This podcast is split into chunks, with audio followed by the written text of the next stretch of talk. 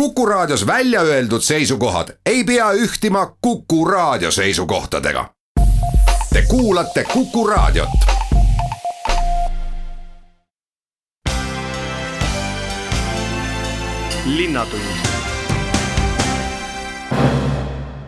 tere päevast, Linnatund alustab.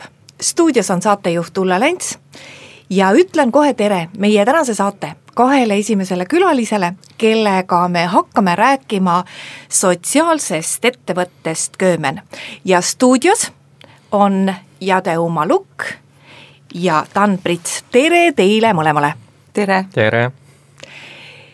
et kuulajad saaksid algul kohe aru, kes ei ole nüüd sellest ettevõtmisest mitte midagi kuulnud, siis Dan, mida, mida see ettevõte endast kujutab, millega te tegelete? No Köömen on sotsiaalne ettevõte, mis siis äh, sisuliselt ühendab sellise hea toidu ja sotsiaalse arengu, et siis äh, toetame uussisserändajaid tööturule sisenemisel ja samal ajal pakume siis Eesti toidumaastikule uusi põnevaid ja maitsvaid äh, toite retsepte. kuidas teie ettevõte alguse sai? sai nii-öelda põlve pealt tehtud, et paar aastat suvel oleme käinud sellistel toidufestivalidel ja koos pagulaste ja, ja uussisserändajatega. Ja uussisserändajatele väga see meeldis kogemus, see tööpraktika, inimestel, kohalikele väga toidud meeldisid ja siis äh, nüüd viimasel poolel aastal mõtlesime, et võiks, äh, võiks sellega edasi minna, rohkem arendada ja nüüd pakume ka catering'u. Vot nüüd jõudsimegi asja juurde, ehk siis, et teie inimesed teie inimesed ei ole tavalised Eesti inimesed, keda te tööturule aitate. Teie inimesed on teistsugused, kes on teie inimesed?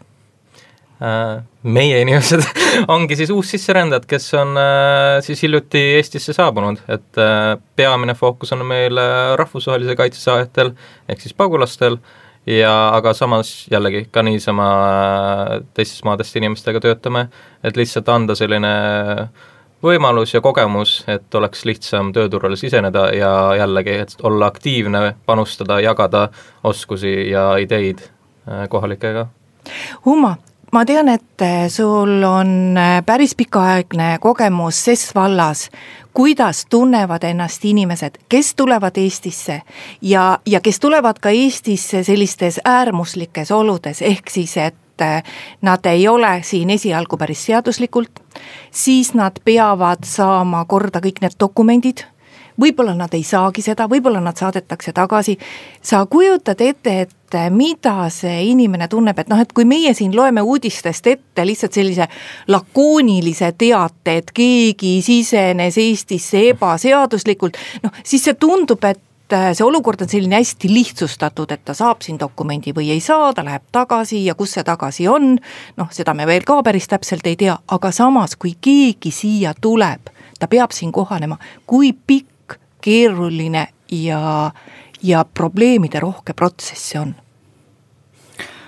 ma arvan, et see et kui me räägime nagu inimli-, inimlikust Just. aspektist, siis ma arvan, et see on väga, väga keeruline, sellepärast et tihti nad tulevad, nad on olnud teel väga pikalt ja nad tulevad olukorras, kus mõned nende pereliikmed on kas jäänud maha või on teadmata kadunud ja, ja me usumegi, et ka läbi selle sotsiaalse ettevõtluse äh, et need inimesed, kellega meie siis töötame, et need inimesed on ikkagi saanud nagu sellise, kui me räägime lihtsustatust keeles, et siis positiivse vastuse, et nendele on antud roheline tuli ja et üks, üks võib-olla see aspekt, et miks me seda ka teeme, on see, et, et anda neile inimestele võimalus nagu kohaneda Eestis kiiremini ja selleks äh, on nagu toidu tegemine, toidu valmistamine, see on suurepärane võimalus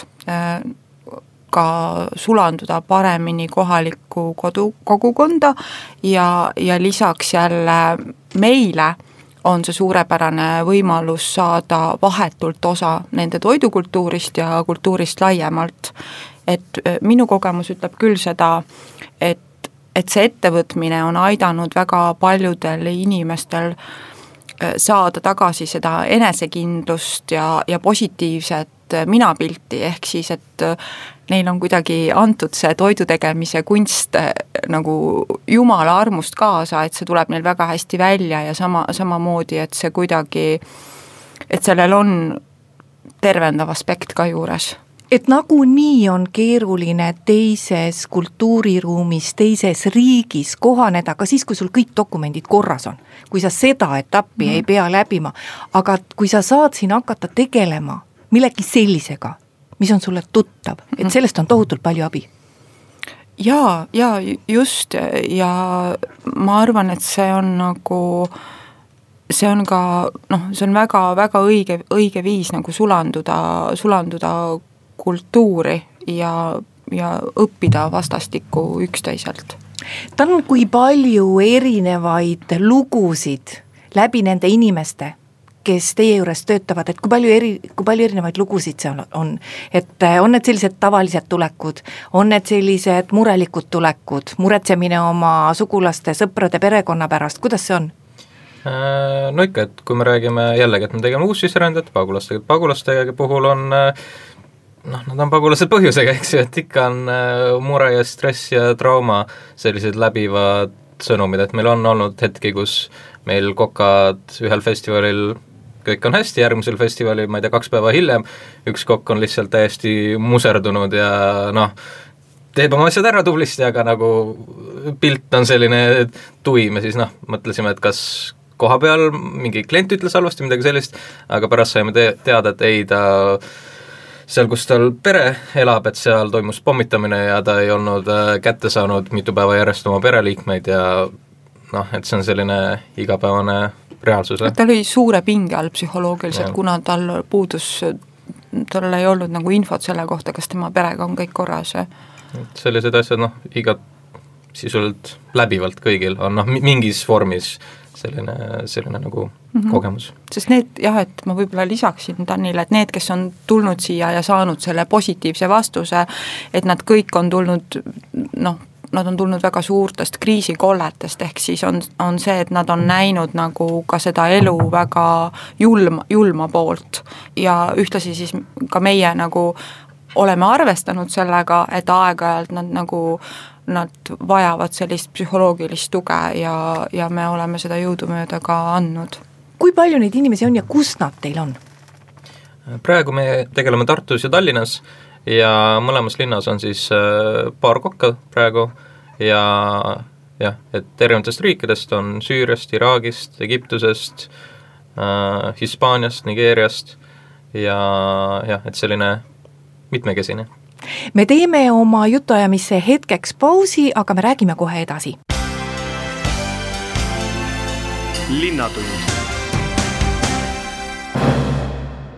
Linnatund läheb edasi me räägime sotsiaalsest ettevõtmisest Köömen ja stuudios on Jade Umaluk ja Dan Prits ja räägime siis nüüd sellest toidust ka, et kui sa siin enne reklaamipausi, Dan, ütlesid, et, et need inimesed on hästi erinevatest kohtadest, siis eh, toidukultuuri osas on see ju ka, see tähendab ju seda, et tegemist on üsna erinevate rahvusköökidega. et kuidas see teie menüü siis sünnib, et, et kelle oma see siis nagu praegu on tegemisel, mida te pakute? no praegu on, eh, menüüd ongi kokkade, kokkade moodi et äh, iga kokaga siis meil toidumentor nii-öelda istub maha, vaatab, et mis on need road, mis talle meeldib teha, mida ta kõige paremini oskab teha, ja siis me kombineerimegi nad kõik kokku selliseks äh, pakkumiseks, ütleme nii, jah. ja ongi igal, igal kokal on erinevad asjad, et sama kokk, või üks kokk võib olla Süüriast, teine kokk ka Süüriast, aga seal regionaalsed erinevused on päris suured, et see võib olla hoopis eriilmeline. et Egiptuse falafel ja Süüria falafel on kaks erinevat asja, mis on väga huvitav ka, ma arvan Uma, ma tean, et toidu tegemine on sinu suur kirg ja sa hiljaaegu tegid oma isiklikus elus sellise korraliku kannapöörde, et, et läksid ja kohe õppisid seda toidu tegemist teadlikult, et et niimoodi sai nagu hobist peaaegu, et, et professionaalne kokk sinust, aga et kui huvitavad sulle tunduvad need toidud ja kui palju näiteks sa ise oled nendelt inimestelt õppinud? ma pean tunnistama, et ma olen õppinud nendelt inimestelt väga palju ja ma ütleksin seda, et et mulle väga meeldib see, et kui, kui julgelt nad ka kasutavad erinevaid siis vürtse, erinevaid äh, ravimtaimi ja just äh, võib-olla nendelt inimestelt, kes siis meie ettevõtlusega on seotud, et ma olen just õppinud seda maitsete balansseerimist, eks ju, et mis on falafeli puhul hästi oluline, hummuse puhul samamoodi, et kõik maitsed, et seal oleks nii happelisus, soolalisus, kõik oleks balansis ja ja ma võib-olla siis seda ütleksin, et, et võib-olla eestlaste seas kõige armastatumad äh, toidud hetkel ongi seesama falafel, mida Dan nimetas, samamoodi hummused, mida, äh, mida võib leida ka kaubandusletist, aga mida ma alati soovitan osta nagu käsitööna. Ja siis magusast on kindlasti see baklaava, mis on, mis on nagu hästi sooja vastuvõttu saanud.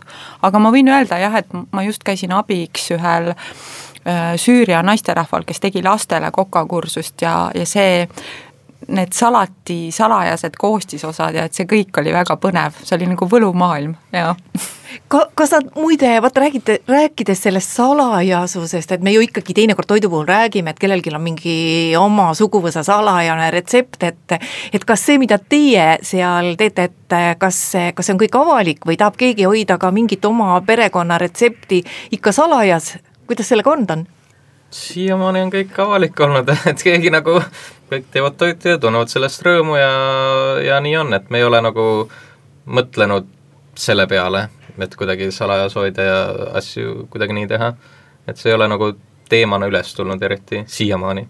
kuidas äh, nüüd ütleme, selline tallinlane saab Äh, saab sellest samast osa, millest me praegu rääkisime, ehk siis, et kuidas see teie toidu pakkumine teistele inimestele käib?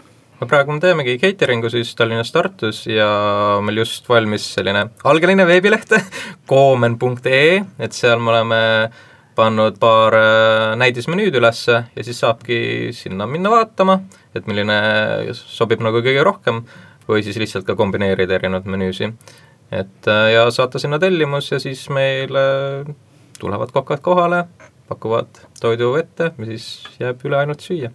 mida armastatakse, missugust kööki kõige rohkem küsitakse või ei ole seal nagu selles mõttes suuri vahesid? väga suuri vahesid ei ole, et äh, Süüria on nagu selline üks ja võib-olla number kaks on Egiptuse, et äh, aga jah, et see sõltub äh, ajast, kuust, inimeste meeleolust, kõikidest sellistest asjadest mm. -hmm. Uma, kuidas see kui palju peab inimesi juhatama toidu juurde, ma tean, et näiteks sina oled mind juhatanud vähemalt ühe köögi juurde, et kui sa kun-, oled mind ükskord viinud Süüria restorani, ma ei oleks sinna mitte iialgi ise läinud, ma sain seal sellise elamuse, et, kui palju peab inimesi õpetama ja viima? ma arvan seda, et, et kui me räägime nagu me räägime nagu Tallinnast, siis minu meelest on inimesed üsna, üsna hästi kursis või inimesed, kes on nagu reisinud juba, et nemad on üsna hästi kursis sellise erinevate maitsepalettidega, aga ma arvan, et see juhendamine toidu juurde võiks al-, alata tegelikult juba lapsepõlvest, sellepärast et et see kuidagi rikastab seda inimest ja samamoodi ta nagu mõistab seda, et et tervislik toit võib olla ka väga, väga mitmekesine, mitmekesine toit. aga ma võib-olla Tänni jutu jätkuks ütleks seda, et meil on, me oleme käinud ka siin Tallinna inimestega erinevatel laatadel, ehk siis, et kus on saanud lisaks sellele, et inimesed on saanud pakkuda oma toitu, nad on saanud ka väga hea sellise keeleõppekogemuse, ehk siis nad on saanud suhelda otse ja vahetult inimestega.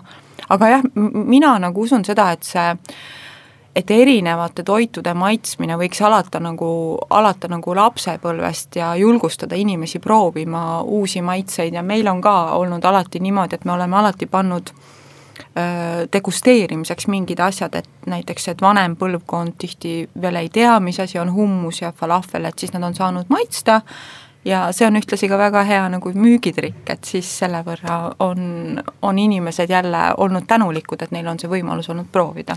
palju te avalikel üritustel üldse käite või on see nagu ka eesmärk omaette või jõuate üldse selle muu catering'i tegemise kõrvalt seda teha? no ikka, et äh käime nii palju, kui jõuame, ütleme nii, et see on meile, see väga, väga meeldib, et nii, nii kaua, kui me jõuame, nii palju me käime. Et igasugustel festivalidel, laatadel, et see, mida juba Uma natukene rääkis, et tegelikult kui me alguses selle nii-öelda hakkasime tegelema, selle sotsiaalse ettevõtlusega, siis meie selline fookus oli hästi fookuse tulemus, me mõtlesime, on see, et okei okay,, nad saavad meie juures sellise praktika, teevad catering'u ja, ja vajadusel siis saavad kus noh, pärast seda kogemust kuskile kohalikku restorani minna. aga tegelikult me oleme näinud, nii nagu Umo ütles, et see tulem ei ole see, et neil on selline köögikogemus, vaid see, et täpselt nad on festivalil, nad suhtlevad, neil on keelepraktika, neil on põhjus, miks keelt õppida, neil on töökultuuri kogemus, nad on juba sotsiaalselt aktiivselt avatud, neile tuleb enesekindlus ja selle kogemusega nad võivad ükskõik kuhu minna tööturule, et, et see ei jää nagu sinna toidumaailma lõpuks ainult kinni. kuidas, kuidas neil selle keelega läheb? hästi, sisuliselt, et äh, noh, ise ma olen näinud, et mida rohkem praktikat, mida rohkem põhjust, et kui sa lihtsalt istud kodus ja käid keeletundides, siis noh, kui mina araabia keelt õpiksin tund aega päevas ja ülejäänud kakskümmend kolm tundi ma ei, seda ei praktiseeri, siis ei läheks väga hästi, aga et see on ka meie väärtus, eriti festivalidel käies, et anda seda keelepraktikat ja mida rohkem praktikat on, seda kiiremini ka läheb. mis keeles köögis räägitakse? Kui algne, alguses on kokad siis võib-olla araabia keeles, võib-olla Google Translate'i abil kätega, aga järjest edasi ikkagi eesti keeles, et meil ongi selline tsükkel välja kujunenud, et uus kokk. Kõigepealt on selline festivalidel ja teeb selliseid toiduasju, seal on suhtlusharjutus toidupõhine, järgmine samm on festivalidel nii-öelda letis, kolmas samm on äh, catering us, juba selline suurem suhtlus, neljas samm on võib-olla toidu workshop, mida me teeme, kus on veel rohkem sellist detailset suhtlust, et selline arengukaar vaikselt on välja kujunenud, jah? Jah, me oleme näiteks Paide Arvamusfestivalil äh, said need inimesed, kes toitu pakkusid, väga palju komplimente, et inimesed olid väga meeldivalt üllatunud, et kuidas nad räägivad nii hästi eesti keelt ja, ja tõesti, et see on just see, et nad saavad ise kui nad pakuvad oma toitu ja nad saavad ise oma toidust rääkida eesti keeles, et see ongi väga suur motivaator ka keeleõppele ja, ja see on väga ilus ja positiivne tulemus olnud, et see, et nad on võimelised suhtlema eesti keeles. Uma, sa oskad ennast ise panna ka täpselt äh, sellesse rolli, milles nemad on praegu, noh, sa ei olnud, sa just hiljaaegu ise olid täpselt samasuguse toitlustaja rollis teises riigis, noh, tõsi küll, meile kultuuriliselt mitte kauges riigis, aga ikka, et kuidas oli? Ma arvan, et see on selline kogemus, mida ma soovitaksin kõikidele inimestele, olenemata sellest, et kas nad siis parasjagu tegelevad toiduga või mitte, sellepärast et et läbi sellise kogemuse, kui sa oled võõras kultuuris ja sa pead suhtlema mitte oma emakeeles, et see kindlasti annab sulle sellise kogemuse, kus sa võib-olla inimesena mõistad teisi inimesi paremini ja samas see annab sulle sellise meeskonnatöö kogemuse. Ja, ja sa õpid enda kohta ka väga, väga palju uusi, uusi asju teadma, et meie selles sotsiaalses ettevõtluses on ka niimoodi, et meil on ka vabatahtlikud, mis siis tähendab seda, et tegelikult ikkagi need inimesed, kes toimetavad, et see seltskond on rahvusvaheline ja see on nagu väga oluline õppimiskoht, et inimesed nagu aktsepteeriksid üksteist, et nad paneksid nagu reeglid paika, kui me räägime hügieenist, et kõikidel oleks äh, ühine arusaam, mis on hügieen, et ma arvan, et see on eluks väga vajalik oskus tõesti, julgen soovitada. Aitäh, Tanja Uma tulemast Linnatunni saatesse, meie teeme siinkohal natuke pikema pausi, kuulame ära Kuku raadio poolesed uudised ja siis räägime edasi juba teiste külalistega ja teistel teemadel. linnatund linnatund läheb edasi ja nüüd piilume linnaaedadesse see, et Tallinnas peetakse ka selliseid aedu, kus saab üht-teist kasvatada, ei ole enam uudis, sest seda tehakse juba mitu aastat. aga kui palju tänavu suvel neid linnaaedu oli, seda küsime kohe Tallinna Keskkonna- ja Kommunaalameti linnaaianduse projektijuhi Maria Terlusi käest. Olemasolevaid tegelikult oli ka juba, näiteks Laagnaaed, mis alustas tegevust eelmisel aastal. Ja tegelikult paljud ei tea, et kahe tuhande üheteistkümnes on tegelikult äh, Möldre tee selts alustanud ka Nõmmel väikse aiaga. aga lisaks sellel aastal on veel kaheksa aeda tekkinud, kaks tükki kesklinnas, kaks Põhja-Tallinnas, üks Mustamäel, üks Tallinna Ülikooli hoovis. nii et äh, neid on mitu. Äh, meil on olemas selline Google Maps, kui panna otsingusse Tallinna kogukonna aiad, siis leiab kõik need asukohad ka ülesse ja tegelikult on koolid ja lasteaiad ka olnud aktiivsed ja ligi kolmekümne kooli laste territooriumil on ka õppeaiad. See on uskumatult, kui kiiresti see idee linnaaiandusest levis ja kui palju huvi see on tekitanud. et äh, te märkisite küll ära selle noh, nii-öelda kõige esimese, aga noh, minu mäletamist mööda kuskil kaks tuhat kuusteist hakati sellest rohkem rääkima, aga tänaseks siis on täitsa märkimisväärselt neid aedu juba ja no see on seotud sellega, et äh, varasemas siis on rohkem tähelepanu ja ressursse linna poolt sellele suunatud. et ma ise alustasingi Tallinna noh, endises Keskkonnaametis, nüüd Keskkonna- ja Kommunaalametis tööd linnaenduse projektijuhina. ja linna poolt on rohkem tuge nüüd sellistele algatustele. ehk siis äh, need, kes kuulavad ja mõtlevad, et nende kodupiirkonnas võiks ka mõni kogukonnaaed olla või nende siis laste lasteaias või koolis. siis nad võivad julgelt võtta ühendust minuga, nad leiavad infot äh, Tallinna Tallinna lehel, panevad minu nime või Tallinna kogukonnaaiad, et äh, kindlasti toetab linn ka rohkemate teket.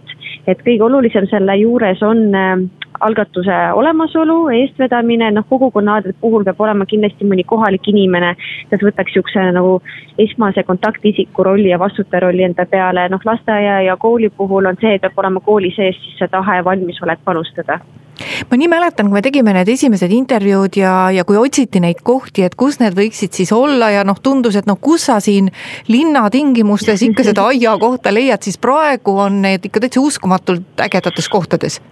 ja väga erinevad on, ütleme, et äh, päris noh, kolm neist mis on olemas, on endiste lasteaedade territooriumil, et mõned lasteaiad on sinna aegade jooksul kinni pandud, aga nende asemele on teised siis funktsioonid tekkinud, et noh, ühes neist on näiteks vaimse tervise keskus, teises on mingi äh, noh, noortekeskus, päevakeskus, aga territooriumid ei ole enam nii aktiivses kasutuses, kui lasteaia puhul oli. et sellised kohad ongi näiteks üks, äh, üks väga potentsiaalikas koht.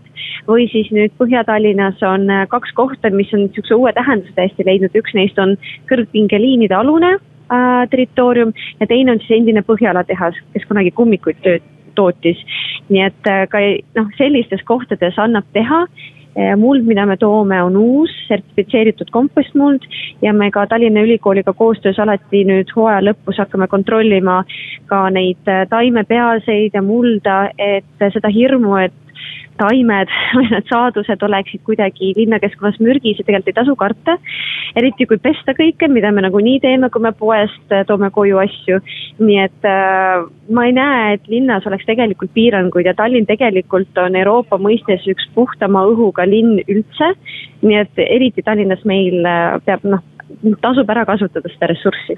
nojah, ei maksa ju arvata, et eh, Tallinn on eh, taimedele kuidagi kehvem kasvukeskkond kui need põllud, mis on tiheda liiklusega no, maanteede ääres no just, no just. Ja lisaks, kui mõelda sellele, et oma kasvatatud toit siin linnas, sa ikkagi tead, kuidas sa kasvatad ja mida sa kasutad selle kasvatamisel. ja nüüd on aina aktuaalsemaks ka pestitsiidide teema äh, olnud, nii et äh, tasub sellele mõelda. Äh,, et siin nii mõnigi äh, inimene, kes on hakanud linnaaednikuks, ütlebki, et see on selle tõttu, et ma tahaks pakkuda puhtamat toitu. Ja teine pool tegelikult põhjuseks on ka keskkonnaharidus, et väga palju on väikeste lastega peresid just nimelt selle tõttu, et tahaks näidata kuidas üldse toit tuleb ja tekib. et äh, paraku me ikkagi võõrandume linna kodanikena maast, et võib-olla ei ole enam nii palju võimalusi käia kuskil. et see on niisugune hea alternatiiv võib-olla mänguväljakule vahel. nii et äh, kõik need asjad on nagu ma ei tea, ütleme, et hea sümbioosis linnaaias, et sotsiaalne projekt on ta kindlasti ja keskkonnahariduslik sinna juurde. mida siis linnaaedades kasvatatakse? No ma arvan, et äh, laias laastus kõike, mida vanaema juures ka leiab, on marjapõõsaid, on äh, rediseid, on lehtkapsast, on äh, suvikõrvitsat, on maitserohelist, on maasikaid on äh, tõesti seinast seina. Äh,. iga, igaüks kasvatab seda, mida ta parasjagu tahab. Ütleme, ähm, on ka neid, kes eksperimenteerivad, äh, on näiteks meil ka vilja rukist on kasvatatud ja näiteks läätsesid või äh, siukseid keerulisemaid asju seemnetest nagu lavendel. nii et on neid, kes katsetavad ja võtavad seda kui sihukest põnevat eksperimenti enda jaoks, et see ettekasvatusprotsess on ju ka veel omaette maailm, mida juba alustatakse kuskilt sealt veebruarist. et ainult see suvine periood ei ole ainult see aktiivne osa, et seal on nii palju muud taga mis nendest saadustest pärast saab? Süüakse ära või siis lähevad kompostikasti, kui jääb kuidagi üle. aga jaa, me üldiselt on kogukonna aias äh, isiklikud peenrad äh,, siis need, kelle taga noh, kindla, kindel vastutaja on siis neil ja on ka ühiskondlikud peenrad äh, nende jaoks, kes siis lihtsalt külastavad või siis kõikide aednike jaoks koos tarbimiseks. nii et jaa, muidugi tasub mõelda alati ka lindudele ja loomadele, et ähm, tegelikult ju panustab üldiselt suures mõttes ökosüsteemi kasuks. et linnud käivad ka ikkagi seal söömas ja me tegime nalja, et äh, la-, Laagna aias see esimene kogukonnaaed nii-öelda, et ähm, seal oli suurim vadaaljänes, kes käis õuna näksimas õunapuud, nii et äh, igast asju juhtub aias no loodetavasti ei ole linnud-loomad need ainsad, kes käivad sealt äh, üht-teist põske panemas, et äh, me ju kodus oleme, noh, need, kellel on oma aiad või kes on maal, on ju harjunud, et need on ju ümbritsetud äh, territoorium, territooriumis on ümbritsetud aiaga ja et sinna võõrad inimesed mm -hmm. ei tule, et kuidas see, see noh, nii-öelda korralik käitumine seal kogukonnaaedades on mm, -hmm. et selliseid võõraid ei tule sinna midagi võtma, keda ei ole mhm. kutsutud ja kes ise ei ole panustanud töösse um,? tegelikult on oodatud kõik kogukonnaaeda, isegi kui sa ei ole linnaaednik ja sa ei ole talgutel käinud. et lõpuks on see teistmoodi linnaruum ja teistmoodi koht, kus viibida ja tunda ennast oodatuna uh,. on olnud juhtumeid, kus uh, midagi on siit-sealt võetud, tavaliselt seda ei ole näha, et selline maitsmine, degusteerimine on noh, normaalne Äh, sellega arvestavad tegelikult kõik linnaaednikud, on olnud niisuguseid nagu pahatahtlikumaid juhtumeid, aga neid on olnud vähemuses ja nendega peab ka arvestama. aga eks me ütleme nii, et äh, kui piirata aiaga ja panna seda lukku, siis tegelikult see olukorda minu hinnangul ei, ei välista, vaid pigem näitab, et me oleme suletud kogukond ja meil on, mida hoida või mida me ei taha teistega jagada, et mida avatum sa oled, mida äh, lahkem, seda rohkem inimesed ise, ma arvan, tunnevad seda. näiteks Laagna aias äh, oli algusest peale äh, eesmärk, et me oleme võimalikult nähtavad, et me käime regulaarselt koos, me teeme üritusi, me püüame võimalikult palju erinevaid sihtgruppe kaasata ja see tõesti tõi sellist nähtavust, kus kõik, isegi kes ei, ei olnud kunagi käinud Laagnas, teadsid, et on olemas. ja eks see laste olemasolu ka tegelikult äh, distsiplineerib neid, kes kõrvalt vaatavad. et samamoodi seesama noh, territoorium Laagnaaias, seal oli väga palju eelarvamusi, et kas äh, kas mitte ei loo me häid tingimusi, ütleme, mittekultuursele tegevusele, sest varem seal hoovis käidi äh, napsutamas ja õhtuti lärmamas, aga lõpuks nägi välja nii, et äh, need napsutajad ei käinud enam seal äh, Nad ei tundnud, et see on sobilik tegevus, ma arvan, selle koha jaoks enam. et mida avatum ja aktiivsem ja sotsiaalselt nii-öelda kontrollitum on koht, seda vähem on äh, neid muid tegevusi, mida me tegelikult ei taha näha linnas. see on niisugune nagu loomulik nüüd hakkavad ka linnaaedades tõenäoliselt varsti sellised sügisesed tööd, et kui eh, saak mhm. on koristatud, et siis eh, kaevatakse ja noh, tehakse neid asju, mida sügisel ikka ja järgmisel aastal jälle. just, äh, kõik need aiad äh, jätkavad. Ähm, Laagnaia jälle kogemus näitab, et äh, enamik mm, eelmise hooaja aednikest olid ka see hooaeg valmis ja tahtsid edasi minna, et ma arvan, et see aina laieneb ja tõesti, olge aktiivsed, eh, on kogukonnaaedu, kus veel on ruumi. et just eile me kohtusime Priisle piirkonnas Lasnamäel, et seal täiesti uus kogukonnaaed kõikide olemasolevate tingimustega ootab huvilisi. on ka teine Lasnamäed eh, Pae piirkonnas, on eh, Pelguaed ka ootab ja ma tean, et Estetäe, kes Mustamäe aiaga tegeleb, tahab ka Õismäel midagi sellist teha, et seal ei ole veel asukohta. nii et kõik, kes tunnevad, et tahaksid kuidagi selle liikumisega kaasas olla, siis äh, jah, võivad minuga ühendust võtta ja tegelikult on olemas ka Facebooki grupp nimega Söödav linn. seal saab jagada lihtsalt kogemusi, vaadata, mida põnevat toimub, nii et äh, hoidke kursis ennast. linnatund eeloleval laupäeval peetakse juba viiendat korda Tallinna kultuuriööd ja see pakub nii kontserte kui erinevaid põnevaid muid ettevõtmisi. aga me räägime kultuuriööst kohe Marje Jürgensoniga Tallinna Kultuuriametist tere ka minu poolt, kultuuriöö sellel aastal on selles mõttes natukene ka teistmoodi, et me pakume esmakordselt kultuuriöö raames vabaõhukino.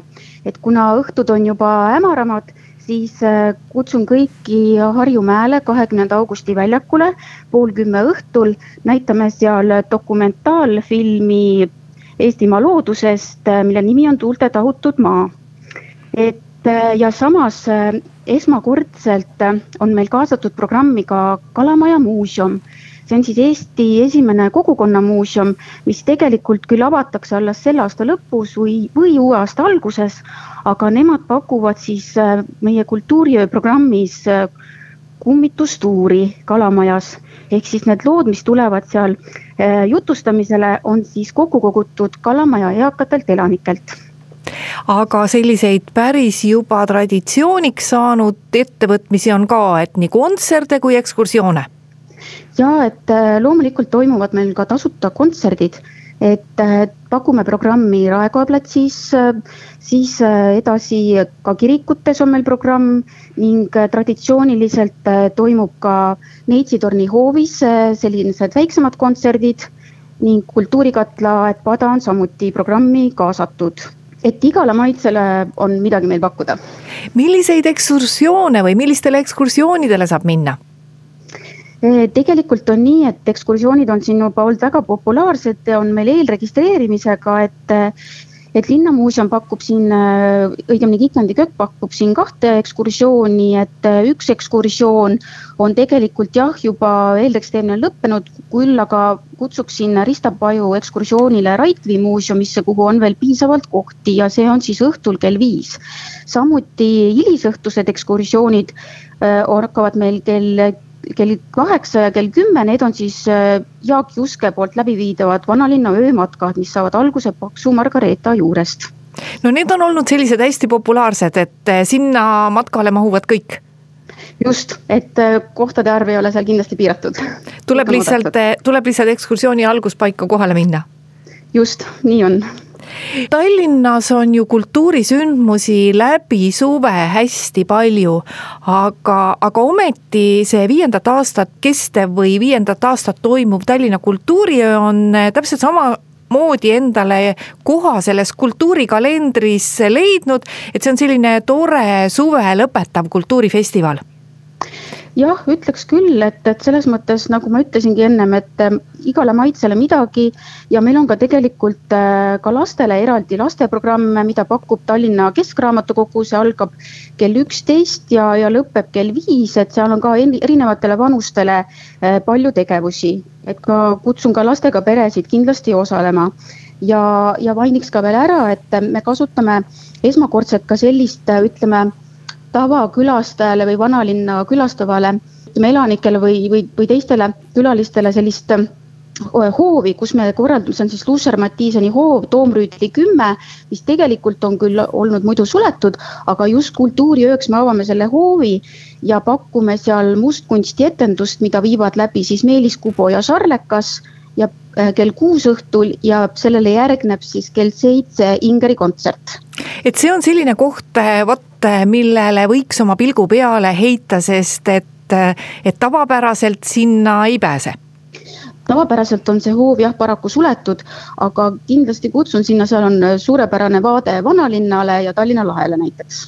kui palju üldse kultuuriöö korraldajad äh, erinevatel aastatel otsivad selliseid uusi asju, et äh, kas on vaja, et linlast tuleb igal aastal juba traditsioonilise ürituse käigus millegagi üllatada? Äh, jah, alati tuleb pakkuda võib-olla midagi uut, et aga kindlasti oodatakse ka neid traditsioonilisi kontserte. juba varakult küsitakse, juba siin kevadel küsiti, millal ikka kultuuriöö toimub, et see on selline oodatud kultuurisündmus, mis lõpetab Eesti kultuurisuve.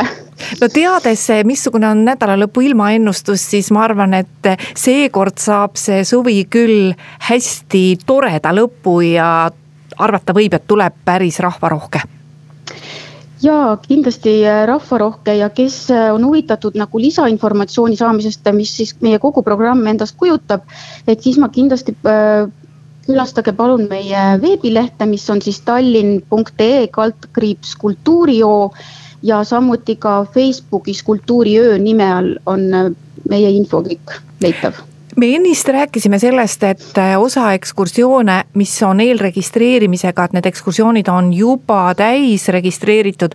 aga et kuidas kontsertidega on, et äh, Raekoja plats mahutab muidugi palju rahvast, aga selliseid äh, kontserdikohti, kus, kus ütleme, selline vaatajate arv on ikkagi piiratud, et kuidas nendega on, et seal tuleb lihtsalt varakult kohale minna, et ju arvestades, et üritused on tasuta, siis ju mingisugust muud broneerimisvõimalust ei ole ja et äh, kui rääkida siis sellisest kontserdist näiteks, mis meil toimub äh, ja mis ka lõpetab kultuuriöö, on näiteks Katariina kirikus. et seal on paraku jah, kohtade arv piiratud, sinna mahub kuskil äh, kakssada inimest ja seal esineb siis pool üksteist õhtul Erkki Pärnoja ja Peedu Kass et siis tõesti tasuks varakult seal kohal olla, et siis kindlasti koha ka saalis leiab. teine kontsert toimub meil tegelikult Billy Joe džässklubis ja seal esineb äh, kell kaheksa õhtul Liisi Koikson koos bändiga ja seal on samuti kohtade arv piiratud. ja veel linlasele siis on hea öelda võib-olla tähelepanuks ka seda, et äh, kus kultuuriöö programm tervikuna leitav on? tervikuna ongi ta leitav tegelikult meie veebilehelt äh, tallinn.ee kaldkriips kultuuriöö, kultuurioo ja samuti on võimalik ka programmi brošüürina seda nii-öelda enda käega katsutava programmi saada kätte siis Tallinna linnavalitsuse infosaalist ja Harju-Niguliste tänava nurgal asuvast turismiinfopunktist. ja seal on siis kõik need erinevad sündmused koos, et nii kontserdid kui ekskursioonid kui igasugused muud ettevõtmised? just, sinna on kõik need kokku koondatud ja ongi Linnatunni jutud tänaseks räägitud. saatejuht ütleb aitäh ka kuulajatele kuulamise eest ja järgmine Linnatund on eetris juba järgmisel neljapäeval. Kuulmiseni linnatund